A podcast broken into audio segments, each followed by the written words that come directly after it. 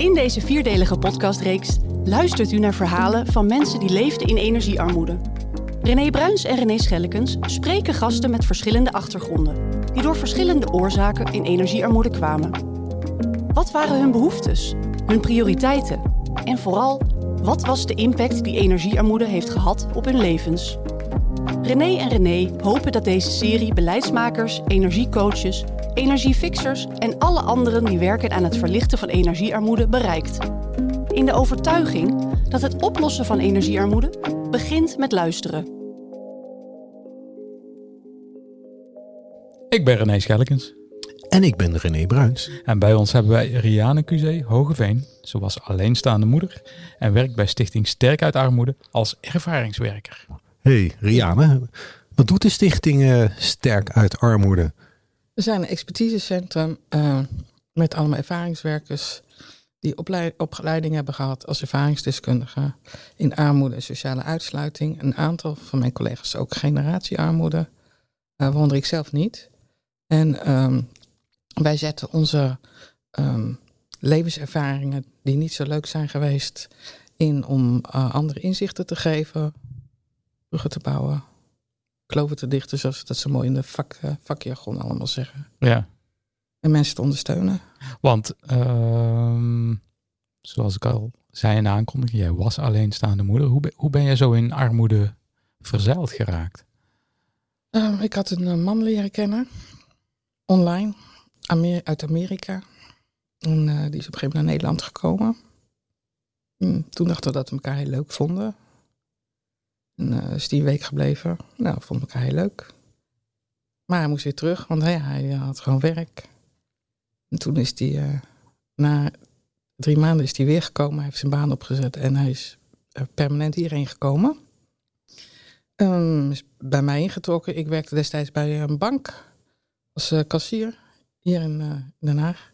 En um, ik raakte op een gegeven moment zwanger. Hij mocht niet werken, maar hij had nog geen verblijfs, geen werkvergunning. Maar ik raakte zwanger. En uh, ja, om dingen te versnellen dachten we dat het wel een goed plan was om te gaan trouwen. En dan zou hij ook een werkvergunning en een verblijfsvergunning uh, mm -hmm. krijgen. En dan zouden dingen voor ons kind uh, geregeld zijn, mocht mij wat gebeuren. Ja. Nou, toen zijn we gaan trouwen. En op mijn trouwdag wist ik dat ik een hele grote fout gemaakt had. Want die man, die bleek behoorlijk verslaafd te zijn aan, uh, aan wiet en hashish. En dat rookte die helemaal puur. En in een notendop, hij is er helemaal knijten schizofreen van geworden. Waardoor die mij bedreigde, mij naar het leven stond. Hij was heel onvoorspelbaar. En ik, Terwijl je zanger was? Nee, het was mijn dochter al geboren. Okay. Het was een babytje. Ben ik eerst nog uh, op advies van zijn moeder een week weg geweest. Om hem tot besef te laten komen wat hij allemaal had en wat hij allemaal zou kunnen verliezen. Ja, dat heeft uiteindelijk niet geholpen. En um, toen mijn dochter vier was, toen heb ik echt moeten vluchten en moeten onderduiken. Omdat zijn gedrag zo grillig was. En uh, echt naar het leven stond. Uh, ja, dat, ik, dat, dat ik met mijn kind en mijn hond ben gevlucht. Ja. En uh, ja, jij kwam zo in het noorden van het land te wonen, geloof ik, hè? Ja, ik heb natuurlijk ondertussen van alles opgestart. uit huiszetting, eenhoofdige zacht, echtscheiding aangevraagd. En ik heb uiteindelijk met sociale urgentie een huis in het Hoge Noorden gekregen, inderdaad. Ja, want um, ja, en, en, zo kwam je eigenlijk, ja, verzeilde je in armoede, zeg maar. Ja, ik moest een bijstandsuitkering ja. aanvragen. Ja, want hoe, hoe is dat als je met een kind in zo'n situatie komt? Ja, je kind geeft je vechtlust. En voor je kind moet je door. En mm -hmm. uh, dat heb ik gedaan. Je cijfert jezelf dan uh, eigenlijk gewoon weg. Hm. Hm. Was de bewuste keuze om naar het noorden te gaan? Nee, het had net zo goed in Maastricht kunnen zijn. Okay. Ik wilde zo ver mogelijk bij Den Haag vandaan. Ik woonde toen in Den Haag. Oké. Okay. Ja, dat is of helemaal naar boven of helemaal naar beneden. Mm Mhm. -hmm. het werd helemaal boven. Ik zit er nog steeds, want ik zit daar op zich wel uh, goed. De Groningers bevallen mij goed. Ja. Maar um, je woont dan uh, met je dochter, krijg je zo'n zo'n zo'n woning uh, toegewezen. En um, ja, dat, dan komen nog steeds komen de rekeningen komen binnen. Energierekeningen bijvoorbeeld. Ja. wat, wat, wat betekent dat voor de woonsituatie zelf? Nou, de energierekening, ja, dat, eh, ik zat in een eind, eh, eindhuis. Huis is niet goed geïsoleerd. Was eh, vochtig. Ik kon het ook niet goed ventileren. Dan moest ik gewoon mijn voordeur openzetten. Nou, dat, dat doe je ook niet. Ja, en dan, in de, ja, dan krijg je de jaarafrekening. Dat was voor mij elk jaar weer zo'n billenknijpmoment. Ja. En ehm, om te proberen de kosten zo laag mogelijk te houden, om niet in de schulden te komen. Ik, ik ben gelukkig nooit in de schulden beland. Ehm, deed ik in de winter met mijn dochter, dan eh, had ik zogenaamd een pyjama-dagje. Zo bracht ik dat. Ja. Oké. Maar dat was omdat ik had uitge, uitgevogeld dat een, een, een elektrische onderdeken in bed gebruiken een hele dag, dat dat veel goedkoper is dan een hele dag je verwarming aanzetten. Dus op zondag, elke zondag hadden wij een, eh, in de winter een pyjama-dag. En dan lagen we de hele dag in bed met z'n tweetjes. Ja. Elektrische onderdeken aan en televisie kijken, spelletjes doen. ja. En ondertussen werd het huis vochtig. eh, schimmel erin, gok ik zo. Ehm, heeft, heeft dat nog iets betekend voor je gezondheid ook? Ehm, nu achteraf denk ik, mijn dochter, die is toen ze zes was, heeft ze een hele ernstige astmaaanval gehad. En nu achteraf denk ik dat het misschien eh, ook inderdaad wel een combinatie van eh, eh, omstandigheden van het huis kan zijn en genetische aanleg. Ja. Dat is gelukkig op nippertje goed afgelopen. Want ik herkende het niet. Ik kende geen astma. Nee. En, en- maar eh, was het alleen op zondag dat de verwarming eh, al laag ging? Of waren er nog andere Ik had hem maatregelen? altijd laag. Ik had hem nooit hoger dan 18 staan. Oké, maar dan had je, deed je nog andere dingen om, om die... eh, Ja, we zaten altijd onder dekens. Oké, Altijd. Ja. Nog steeds trouwens. Ja. Gewoonte geworden. Ja, ja, ja, ja. Ja. Dus op zich geen slechte gewoonte Nee, natuurlijk. precies. maar, Dat vind eh, ik ook niet erg. Ik vind het ook wel iets knus hebben onder een deken zitten en uh, toffels aan. En, uh, ja, maar nu, nu heb je niet meer last van die eh, energiearmoede. Je hoeft niet per se onder een deken te... te nou, in te het huis waar ik nu zit wel. ja? Ja, want ik, zit in een, ik woon in een bevingsgebied en ik heb scheuren in mijn huis zitten. Ja. Het is een enkelsteens huis. En uh, vorig jaar, uh, toen de prijzen zo omhoog gingen, toen, toen zag ik dat ik meer dan 800 euro in de maand kwijt zou zijn aan gas. En, toen En dat was? Dat was vorig jaar. Ja, maar hoeveel veel was het daarvoor? Uh, ik betaalde per maand 200, 245. Dat ging nu naar 800. Ja. Ja, ja, ik verbruikte 800 gewoon in, uh, in, uh, in, binnen een maand. Ja. En, en ik kon zien wat ik per dag verbruikte. En dan hadden we het niet eens hoog staan. Dan verbruikten we nog minder dan het jaar ervoor. Ja, ging allemaal op naar de buitenlucht. Ja, dus Ja. dat gaf mij wel, nou, dat gaf mij wel angst. Dus toen hebben wij een pelletkachel geïnstalleerd. Weet je, de uh, 25 kilowatt pelletkachel. wa- Wat was daar dan het voordeel van in dit geval? Dan kan ik zien wat ik, uh, Verbruik. wat ik verbruik en wat ik nog moet halen.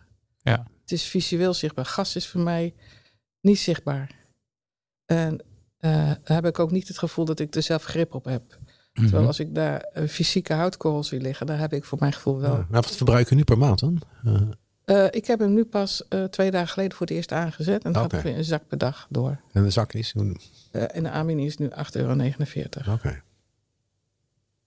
En uh, in de nacht gaat hij. ik, ik heb alleen de pelletkachel aan als we thuis zijn.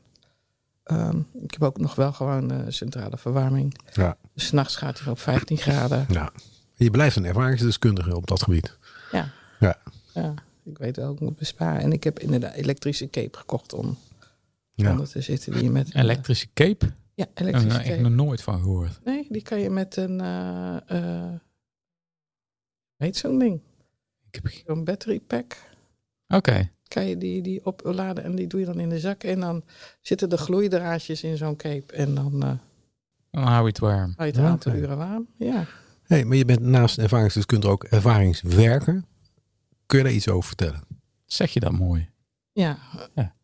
Ja, wil ik ook wel even zeggen waarom ik ervaringsdeskundige niet zo'n leuk woord vind. Zeker, nou graag. Nou, want dat, eh, dat eh, impliceert voor mij, dus mijn persoonlijk gevoel, dat ik eh, beter ben dan een ander. En dat wil ik niet. Ik wil graag gelijkwaardig met mensen omgaan.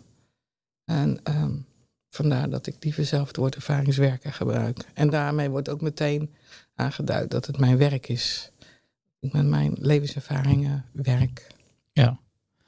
Want eh, ja goed, ik, ik huur jullie ook wel eens in hè, om eh, het verhaal te doen. En om eh, mensen juist die beleid maken en die ook die uitvoering van het beleid doen, dat ze weten van waar het over gaat. Ja. En, waar mensen in energiearmoede, ik ga het woord toch even gebruiken, ehm, mee geconfronteerd worden. En wat ik daar eigenlijk ook aan jou zou willen vragen, want wordt allerlei, vanuit alle, allerlei kanten wordt er hulp op mensen afgestuurd, maar hoe, hoe, ervaar je dat dan? Hmm, vind ik eh, eh, eh, lastig om te zeggen. Want ik vind eigenlijk niet dat al die hulp nodig zou moeten zijn. Ik vind dat we geno- gewoon genoeg geld zouden moeten hebben om gewoon zelf je rekeningen te betalen. Zonder dat je een toeslag moet aanvragen. Ja, Of, of een een witgoedregeling mee moet doen. Dat je dat gewoon allemaal zelf kan behapstukken. ja, ja, het zijn allemaal potjes hier, daar, links en rechts. En het zou gewoon fijner zijn als je dat zelf Ja. eh, kan. En als je het zelf niet kan, ehm, bijvoorbeeld, je hebt van die eh, klussen, klussenbrigades. Die, eh, Mhm. Nou, dat beperkt dat dan voor mensen die het inderdaad zelf echt niet kunnen. En die daar wel behoefte aan hebben om dat te laten doen. ja, want maak jij wel gebruik van, van dat soort regeling of heb je daar gebruik van gemaakt? Nee. Waarom niet? Omdat ik, nu ik een inkomen heb, moet ik bij ons eh, 125 euro ervoor betalen. Als ik iemand laat komen om te kijken waar eventueel lekkage in mijn huis zit. Mhm. Terwijl ik weet wel zelf ook wel waar de lekkage zit, want er zitten scheuren in mijn huis. Eh, ik, ik, ik weet dat ik niet kan isoleren, dat ik alleen het dak kan isoleren. En eh, dat het bij mijn huis heel ingewikkeld is. Ja, En dan zit je nog met de, de wachtstand van de, de bevingsschade. Dus ja, ja, mijn persoonlijk verhaal is daarin ingewikkeld. Want je hebt mij wel eens verteld, hè, van, ehm, dat, dat je kunt eh, toeslagen krijgen Ja. rondom eh, je energie, maar dat doe jij niet. Maar waarom niet? Nou, een, ik heb natuurlijk meegemaakt, collega die eh, slachtoffer is van de toeslagenaffaire. En ik heb gezien hoe ernstig impact dat heeft gehad en hoe lang. En tot op de dag van vandaag duurt dat nog voort. Ik krijg liever eh, een toeslag achteraf, dat ik er recht op lijkt te hebben. Dan dat ik het van tevoren krijg en ik moet het terugbetalen. Want het vereist ook discipline om het apart te zetten, om het te behouden. Dus eh, ja, vanuit, vanuit dat perspectief. Zolang ik het zelf kan redden, vraag ik het niet aan. Nee. Ja. Nee, nog even over jouw, eh, wat heet het, de ervaringswerker. Ja. Eh, wat- kun je nog iets vertellen over wat je doet als ervaringswerker? Ja, ik heb natuurlijk een hele rugzak aan, eh, aan eh, niet zulke leuke levenservaringen. Mhm. Die ik gewoon doorleefd heb en waar ik gewoon over kan praten zonder in een slachtofferrol of in een emotie te schieten. En eh, daardoor kan ik nou, beleidsmakers misschien inzichten geven, waardoor ze andere beslissingen kunnen nemen. Ik kan mensen hoop geven, omdat dat heb ik wel eens te horen gekregen. Dat mijn verhaal, dat geeft mensen hoop van dat het met hun ook goed kan komen. En eh, ja, ik kan meedenken. Ehm, ik doe ook brieven lezen van, eh, eh, van het Rijk, die eigenlijk versimpeld moeten worden. Ja. Want die zijn heel ingewikkeld voor heel veel mensen. Mhm. In ieder geval, als je in armoede zit, dan heb je gewoon niet zo heel veel bandbreedte doorgaans. Dan heb je geen zin om ingewikkelde brief te lezen. Ja. Heb je ook idee dat beleidsmakers naar jou luisteren? Kwartjes beginnen te vallen, heb ik het idee. Besef begint te komen dat ze, dat ze het met ons moeten doen. Ja. Dat vind ik wel heel, dat vind ik wel heel positief. Ja, want eh, waar ben je dan zoal actief de laatste tijd? Nou, ik heb ook een gesprek gehad met minister Schouten. Hè? Mhm. Natuurlijk ook over armoede. En daar vinden we wel een luisterend oor. En ik zie ook dat er dingen mee gebeuren, onder andere met de participatiewet. Daar wordt nu wel aan gesleuteld. En daar heeft ze ons input ook voor gevraagd. Ja, dus je, je hebt wel echt invloed als ervaringswerker nu. Tenminste, dat gevoel. Dat ge- nee, nou, ik heb het gevoel dat er nu wel naar mij geluisterd wordt. Ja, Ja. Dat het ook gewaardeerd wordt wat ik zeg. En dat ze daar ook wat mee kunnen doen. Ja. Dat is natuurlijk het allerbelangrijkste. Ja. En, wat, en, en wat, eh, wat zou je nou, wat zou nou het, het, wat is nou het belangrijkste wat er zou moeten gebeuren? Als, als, als eerste. In, in welke context? Nou, in, voor het beleid, wat, wat zou nou het, het ministerie als eerste mo- moeten doen? Nou, daar zou ik sowieso zeggen, eh, bij elk ministerie eh, ervaringswerkers erbij betrekken. Mhm. Want ze maken beleid voor ons, maar zonder ons. Oké. Zonder dat ons gevraagd wordt van, eh, wat hebben jullie nodig? En hoe zit dat? En eh, hoe, hoe kunnen we het beter voor jullie doen? ja. Het is wel, ik zeg dat wel eens, hè, want eh, we praten wel over, maar niet met. En ehm, dat is iets, denk ik, wel in, in iedereen in zijn werk wel kan overkomen of overkomt. Maar ik denk wel dat het iets is wat iedereen persoonlijk zich best aan mag trekken. Want eh, het is heel moeilijk om je een beeld te vormen van wat het is Ja. om in armoede te leven als je het nooit gedaan hebt. Klopt, maar, maar aan de andere kant, ik geef het wel eens als voorbeeld. Ik, begrijp dat dat heel moeilijk is. Ik geef het ook wel mee aan mensen van... ehm, we hebben een, hè, een kroonprinses, is die is ongeveer even oud als mijn dochter. Ja, we kunnen wel een voorstelling maken hoe het leven voor haar is. Maar we weten het niet, want we kunnen het niet toetsen. Nou, wij zitten precies aan de andere kant, maar wij kunnen wel getoetst worden en gevraagd worden. Ja, Maar die, die, die verschillende werelden elkaar leren kennen, ja, dat is gewoon belangrijk. Maar dat, is, dat kan heel ingewikkeld zijn. ja. Want als jij nu eh, een advies zou mogen geven naar de mensen die naar deze podcast luisteren en die aan de slag gaan met eh, energiearmoede of on-energieongelijkheid, zoals Ja, jij het liever juist, noemt. Ik zal je voor zijn. Ja, ja. Maar ehm, wat voor advies zou je dan geven? Ehm, ik zou graag willen dat mensen naar de mensen kijken die voor hen staat. Dat ze ehm, maatwerk mogen leveren. Dat ze een mandaat krijgen om buiten de lijntjes te kleuren als, dat, als zij denken dat dat nodig is. Beleidsmakers vertrouwen hebben in hun werknemers dat ze dat op de juiste manier doen. En, eh, want buiten de lijntjes is meer ruimte dan binnen, zeg ik altijd. Hè? Ja. Dus eh, dat is eigenlijk wat ik eh, mee zou willen nemen. Want, want dan kan je daadwerkelijk een verschil voor iemand maken. Ja, want dat wil ik dan eigenlijk nog wel net vragen, omdat ik weet dat dat zo is. Maar jij weet zelf hoe belangrijk het is dat er iemand eens een keer echt Ja. naar jou kijkt, zeg Ja. maar. Dat heeft bij mij ook de omslag gemaakt. Doordat ik onderuit de kaartenbak, voor mijn gevoel dan, hè, gevist ben door eh, de, de eh, consulent van de sociale dienst. En die dacht dat ik misschien wel eh, geschikt zou zijn om een opleiding te gaan volgen als ervaringsdeskundige. Ja, En- ja dat, En die kan, mij die kans heeft gegeven. precies. Ja. De kans was op het juiste moment. Dus ik heb ook die kans kunnen benutten. Want de kans krijgen en de kans benutten, kunnen benutten, dat zijn ook nog verschillende dingen. Maar Mhm. de tijd was goed. Ik kon hem benutten. Ik heb die kans gegrepen. En Ja, dat was voor jou de, de omslag, heeft voor, voor de omslag eh, ja, dat gezorgd. Heeft, ja, ook mentaal ook. En Mhm. ook eh, nou ja, dat ik nu, nu werk heb. En ik voel me nu eh, gezien. Ik voel me geen grijze muis meer. Ja. Ik heb ook altijd hele uit. Ja, je kent mij verder niet, maar ik heb meestal hele uitbundige kleding. Nee, omdat ik lang genoeg grijze muis geweest ben. Oké, ja.